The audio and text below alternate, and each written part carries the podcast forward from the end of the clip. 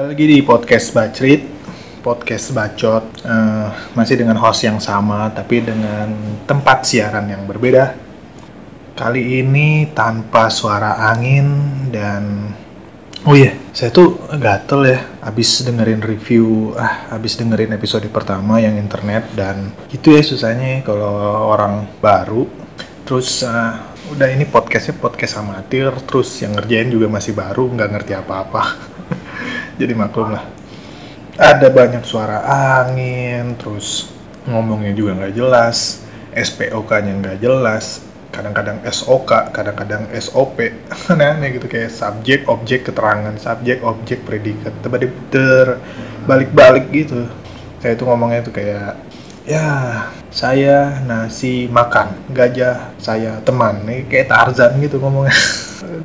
Terus juga risetnya juga kurang banyak banget PR-nya yang mesti dikerjain dan saya lagi ngerjain itu satu-satu terus terang. Pokoknya kali ini akan lebih baik lagi sebagaimana janji saya di episode pertama kemarin. Oke. Selamat menikmati hari Senin selamat kembali lagi bekerja. Bagi yang kerja dan selamat melanjutkan aktivitas kuliahnya bagi yang masih mahasiswa dan bagi yang di rumah aja selamat menikmati waktunya. Oke terus satu hal lagi yang pengen saya sampaikan bahwa harapan saya sih hmm, tentang podcast ini bisa jadi percakapan dua arah ya nggak satu arah gini. Jadi saya harap feedbacknya dari kalian entah siapa itu. Kalau mau ngobrol-ngobrol kalau mau ngobrol-ngobrol bisa reach saya di Instagram at byboybyboy b a y b o y b a y b o y byboy byboy terus bisa juga kalau mau cerita-cerita atau curhat atau maki-maki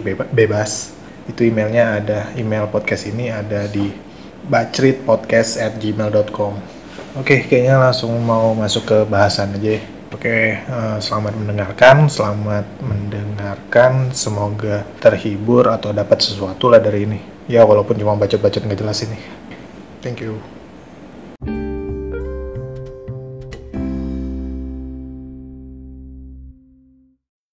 Nah, masuk ke bahasannya nah, episode kedua tentang negativisme. Nah, apa sih negativisme itu? Berdasarkan Wikipedia, yang pertama, negativisme adalah suatu sifat yang dihubungkan dengan suatu keadaan yang tidak teratur dalam sikap seseorang.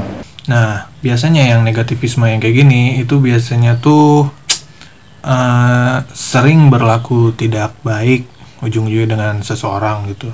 Kayak misalkan um, ignorance, terus kalau ngobrol juga denial, terus biasanya kan kalau kita ngobrol sama teman kita, kadang-kadang tuh kita nggak uh, sadar gitu kalau teman kita tuh uh, ngasih ngasih saran, ngasih solusi untuk setiap masalah kita. Sedangkan kita uh, karena sikap negativisme ini kita malah jadi denial, terus ignorance dari solusi yang udah dikasih itu, yang udah ada di depan mata, tinggal kita ngeraihnya doang, tinggal kita ngambilnya. Itu udah kita tolak sendiri. Jadi kita tuh nyiptain masalah untuk masalah kita sendiri. Jadi kita menolak solusi. Emang kayak gitu makanya menyusahkan kan kalau sifat-sifat negativisme kayak gini. Seharusnya masalah simple itu bisa diselesaikan dengan mudah, dengan cepat. Kita malah um, mengulur-ngulur waktu dan membuang solusi yang udah ada di, de di depan mata. Oke, ma kita makanya kita mesti kalau saya rasa sih kita um, perlu untuk membedah negativisme ini agar kita, agar kita kenal dengan musuh kita sendiri. Eh penyebabnya penyebab negativisme kayaknya lebih ke ilusi ya, ilusi superior gitu, kayak perasaan kita tuh oke, okay, kita tuh hebat, kalau kita tuh apa, apa pun yang semua tuh cuma terjadi di kepala kita aja. Jadi cuman di kepala kita gitu kita hebat ya, tapi di realitanya nggak. Sedangkan tak uh, dan kita punya realita itu beda sama aslinya. Kita pikir kita tuh oke, okay, kita tuh pintar atau kita tuh apa pun yang lain dan merasa orang lain tuh inferior. Nah, kalau negativisme cenderung berlaku tidak baik dengan orang, dengan seseorang.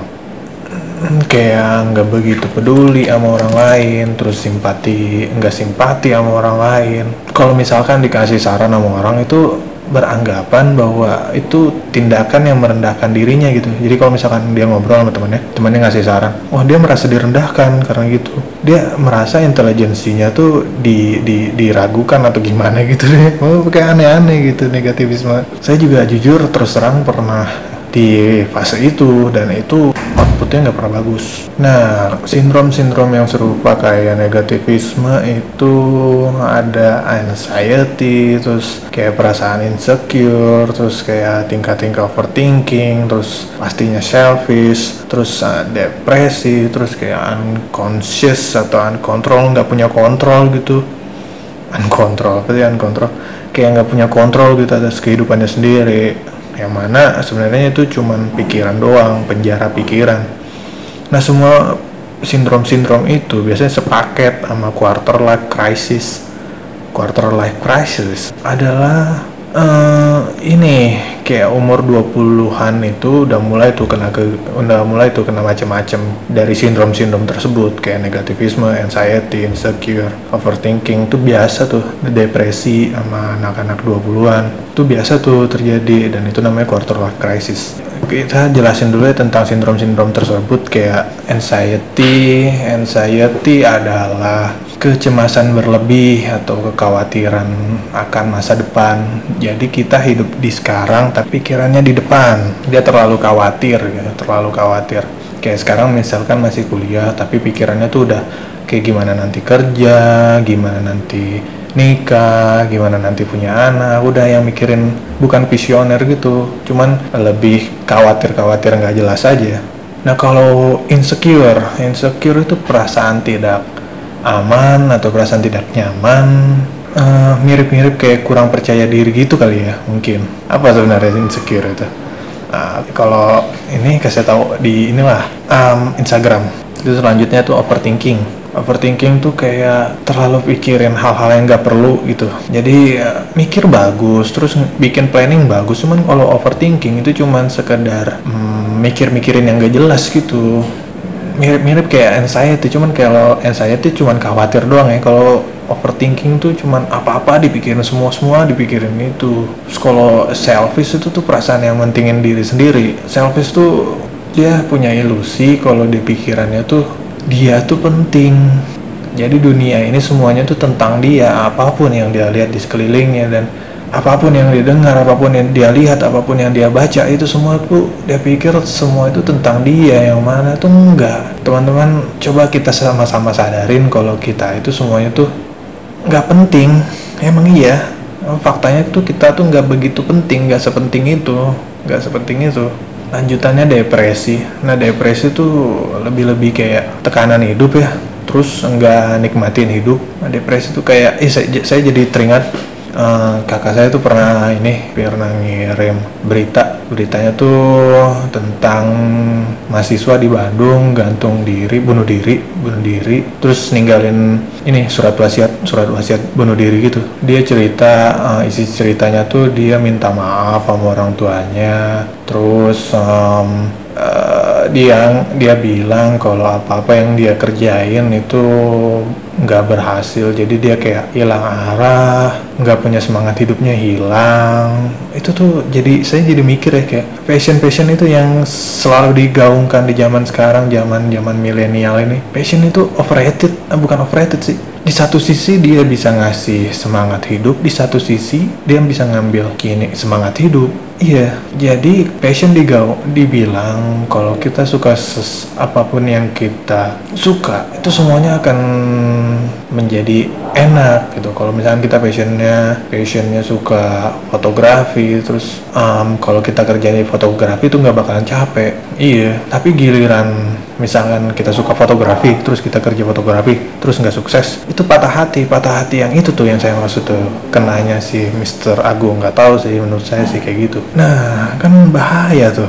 Terus kayak perasaan nggak punya kontrol. Kayak kita tuh hidup tapi nggak punya kontrol akan hidup kita sendiri gitu. Kayak kita tuh kita yang jalan di badan kita sendiri, kita ke mana-mana gitu. Tapi perasaannya tuh kita nggak punya kuasa, cuman hidup aja gitu. Ada tuh yang kayak gitu-gitu. Aduh, bahaya sih memang. Ini Terus lanjutannya gimana caranya buat ngatasin itu semua versi saya. Sebelumnya saya mau ngasih tahu nih, saya pernah dapat quote gitu di internet. Ada yang bilang kalau nggak salah biksu mana itu dia bilang kalau kita hidup di masa lalu kita tuh cuman ngerasain marah atau sedih tergantung masalah masa lalu kita gimana. Tapi kalau kita hidup di masa depan itu kita ngerasain anxious anxiety itu. Tapi kalau kita hidup di masa sekarang itu kita ngerasain peace atau damai Makanya itu yang paling penting, kita mesti hidup di masa sekarang, jangan di masa lalu dan juga di masa depan.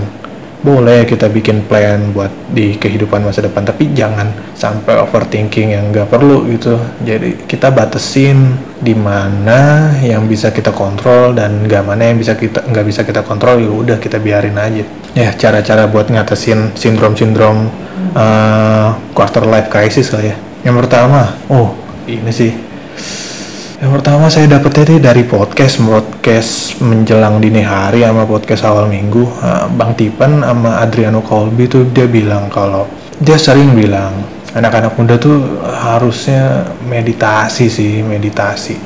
Meditasi awal-awalnya tuh apa sih meditasi meditasi ini udah kayak biksu aja tuh kalau saya mikir gitu. Ujung-ujungnya kalau pas dijalanin itu tuh enggak enggak yang seperti kita pikirin. Jadi cara meditasi itu pertama kita duduk duduk nyaman atau ba mau atau mau tiduran juga bisa. Tidur eh tidur duduk nyaman cuma nafas nafas merem gitu nafas nafas panjang. Udah nggak usah mikirin apa-apa cuma nafas saja nafas terus hitungin nafas eh, satu exhale inhale exhale hitung satu dua tiga sampai berapa gitu. Lakukan sampai 10 sampai 15 menit. Kalau misalkan ada pikiran yang masuk pikiran-pikiran aneh yang masuk misalkan nanti mau makan apa besok mau pakai baju apa nanti si kucing ada di mana itu udah dibuang gak usah dipikirin jauh-jauh. Pokoknya fokus sama hitung nafas oke? okay? Yang kedua olahraga. Olahraga tuh is eh olahraga lah capek-capekin badan. Nah pikiran itu kan bahaya ya. Kayak overthinking lah. Overthinking kan bahaya. Nah kalau kamu aktivitasnya jarang capek, cuman duduk nyatet materi, duduk di kampus, duduk di kelas, atau karyawan cuman duduk di depan komputer selama 8 jam, itu kan energinya nggak ke mana-mana numpuk ya. Menurut saya sih ya, soalnya ini sih uh, work sih kalau di saya mah sempatin olahraga workout gitu atau ngapain kayak push up sit up atau squat. Lakukan apa pun lah yang nyampe capein badan. Kalau katanya Adriano Adriano Kalbi ya pikiranmu tuh nggak bisa ngatasin itu mesti bantu pakai badan. Ya mesti pakai bantu pakai badan. Badan tuh mesti dicapein. Oke tips selanjutnya tuh uh, nikmatin hidup. Banyak cara nikmatin hidup kayak main game atau ngobrol sama orang ngobrol sama keluarga jalan-jalan piknik nonton film dengerin musik baca buku apa pun yang kamu senangin. Pokoknya nikmatin aja hidup. Bayangin aja kalau hari bayangin aja kalau hari ini kamu mati nggak usah lah nggak usah nggak usah kayak gitu. Aneh itu itu motivasi nggak jelas tuh. Nah nah yang selanjutnya tuh ikhlas. Ikhlas men. Apa pun yang terjadi di masa lalu apa pun keadaan kamu sekarang akibat masa lalu itu udah terjadi. Apa pun yang ada di depan mata terimalah lepasin aja. Jangan dipegang lama-lama buang aja itu semua. Lepasin aja beban-bebanmu lepasin aja relax. Relax aja. Yang selanjutnya tadi kan uh, yang sesuai quote hidup di masa sekarang aja. Memang hidup di masa sekarang. Maksudnya pikirannya tuh pikirannya ikut hidup di masa sekarang. Jangan um, jangan anxiety. Maksudnya anxiety itu pikirannya di depan. Terus jangan dendam. Dendam dendam masa lalu tuh udah tinggalin aja. Yang selanjutnya berdamai dengan diri sendiri pokoknya kamu penting sih yang namanya self awareness self conscious pokoknya kenal dengan diri sendiri. Sebenarnya ini pertanyaannya sebenarnya kamu seberapa kenal dengan dirimu sendiri? Emang pertanyaan simple tapi kalau dipikirin ya aduh kayaknya kayak kita kita tuh sama badan kita sama diri kita sendiri kita nggak begitu kenal loh. Iya. Coba deh contoh satu. Hmm, kapan kapan yang membuat kamu benar-benar marah? Terus yang kedua apa yang benar-benar buat kamu senang? Nah itu itu tuh pertanyaan-pertanyaan kayak gitu tuh Kalau kamu bisa jawab dengan gampang, berarti ya kamu udah de- kenal dengan dirimu sendiri.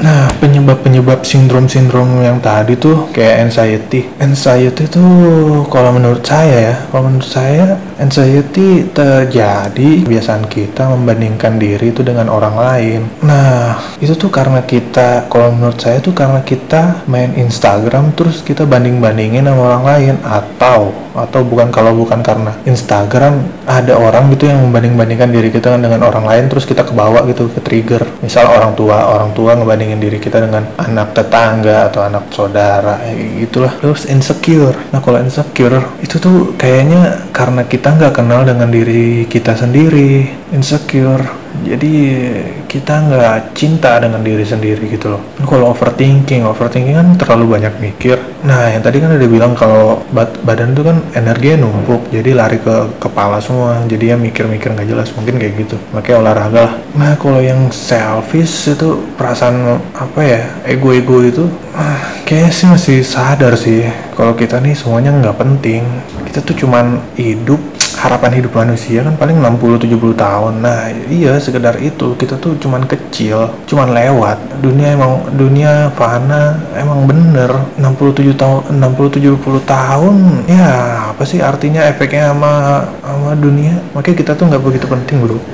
Depresi ya lanjutnya depresi. Kalau depresi kalau kasusnya Mr. Agung yang yang bunuh diri tadi kita bisa belajar gitu kalau kita tuh mesti mesti ikhlas sih sama apa pun yang terjadi. Misalnya kita udah usaha keras tapi hasilnya tuh nggak sesuai sama ekspektasi ya udah. Kita tuh mesti gimana caranya supaya bangkit? Jangan tenggelam di bawah itu. Kalau itu gagal ya jangan itu bawa kita ke jurang. Kita mesti bangkit. Kayak dibilang di filmnya Silver, Sylvester Stallone ya yang Rocky dia bilang kan yang petinju itu dia bilang petarung yang baik petarung yang kuat itu adalah petarung bukan petarung yang bisa mukul lebih kuat tapi petarung yang yang bisa nerima pukulan tapi masih tetap bangkit. Jadi jadi tuh bangkit aja bangkit aja terus. Jangan jatuh seribu kali bangkit bangkitnya seribu satu kali. Selalu akhiri dengan bangkit jangan tenggelam bawah. Ya pokoknya kesimpulannya mesti sadar mesti sadar buka mata sadar jangan tenggelam dalam ilusi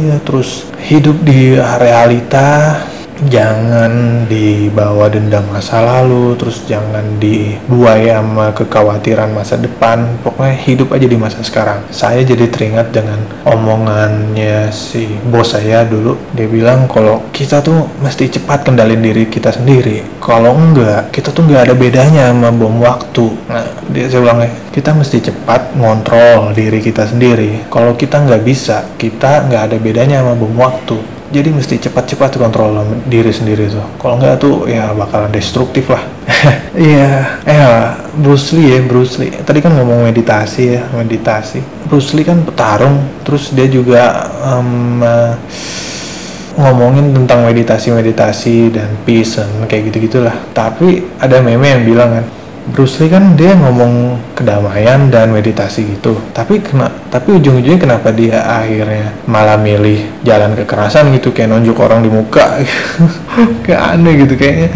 Kayaknya nunjuk orang di muka itu emang ke, emang jalan yang benar. Um, saya ingat ya dulu waktu waktu masih masih tenggelam dalam negativisme dan kawan-kawannya itu saya pernah punya keinginan tuh pengen jadi hippies aneh hippies jalan-jalan. Eh jalan-jalan nomaden terus hidup tanpa kewajiban untuk kerja. Jangan cuma hidup aja hidup sekedar hidup. Aneh gitu bro. Kalau realitanya nggak mungkin kayak gitulah. Orang tua mau digimanain tanggung jawabnya tanggung jawab yang lain mau gimana? Aneh-aneh gitu. Untung aja nggak saya kerjain jadi hippies nah Oh iya, kayak negativisme nih lagi lagi lagi jadi isu ya, jadi isu di kalangan anak muda. Kayaknya sih menurut saya itu karena karena internet sih.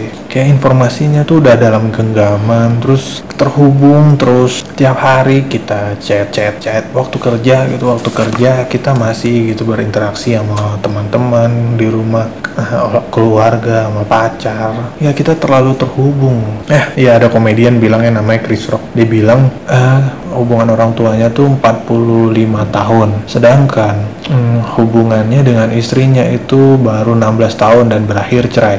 Tapi kalau dibandingin kehidupan dia dengan istrinya itu lebih lama daripada kehidupan orang tuanya. Karena dengan era terhubung yang demikian canggih ini jadi 16 tahun dia dengan istrinya itu lebih lama daripada 45 tahun orang tuanya ibu dan bapaknya itu. Karena zaman zaman internet kan jadi WhatsApp WhatsApp terus terus yang selanjutnya tuh sharing lah sharing sama teman-teman sama orang-orang. Gunanya sharing tuh selain dapat solusi atau saran buat masalah kita tuh sharing tuh jadi nyadarin kita kalau kita tuh bukan hanya satu-satunya orang yang punya masalah. Oke. Okay nah negatif pokoknya tinggal cepat-cepatin lah tinggalin negativisme. Oke lah. Kayaknya segitu aja dulu.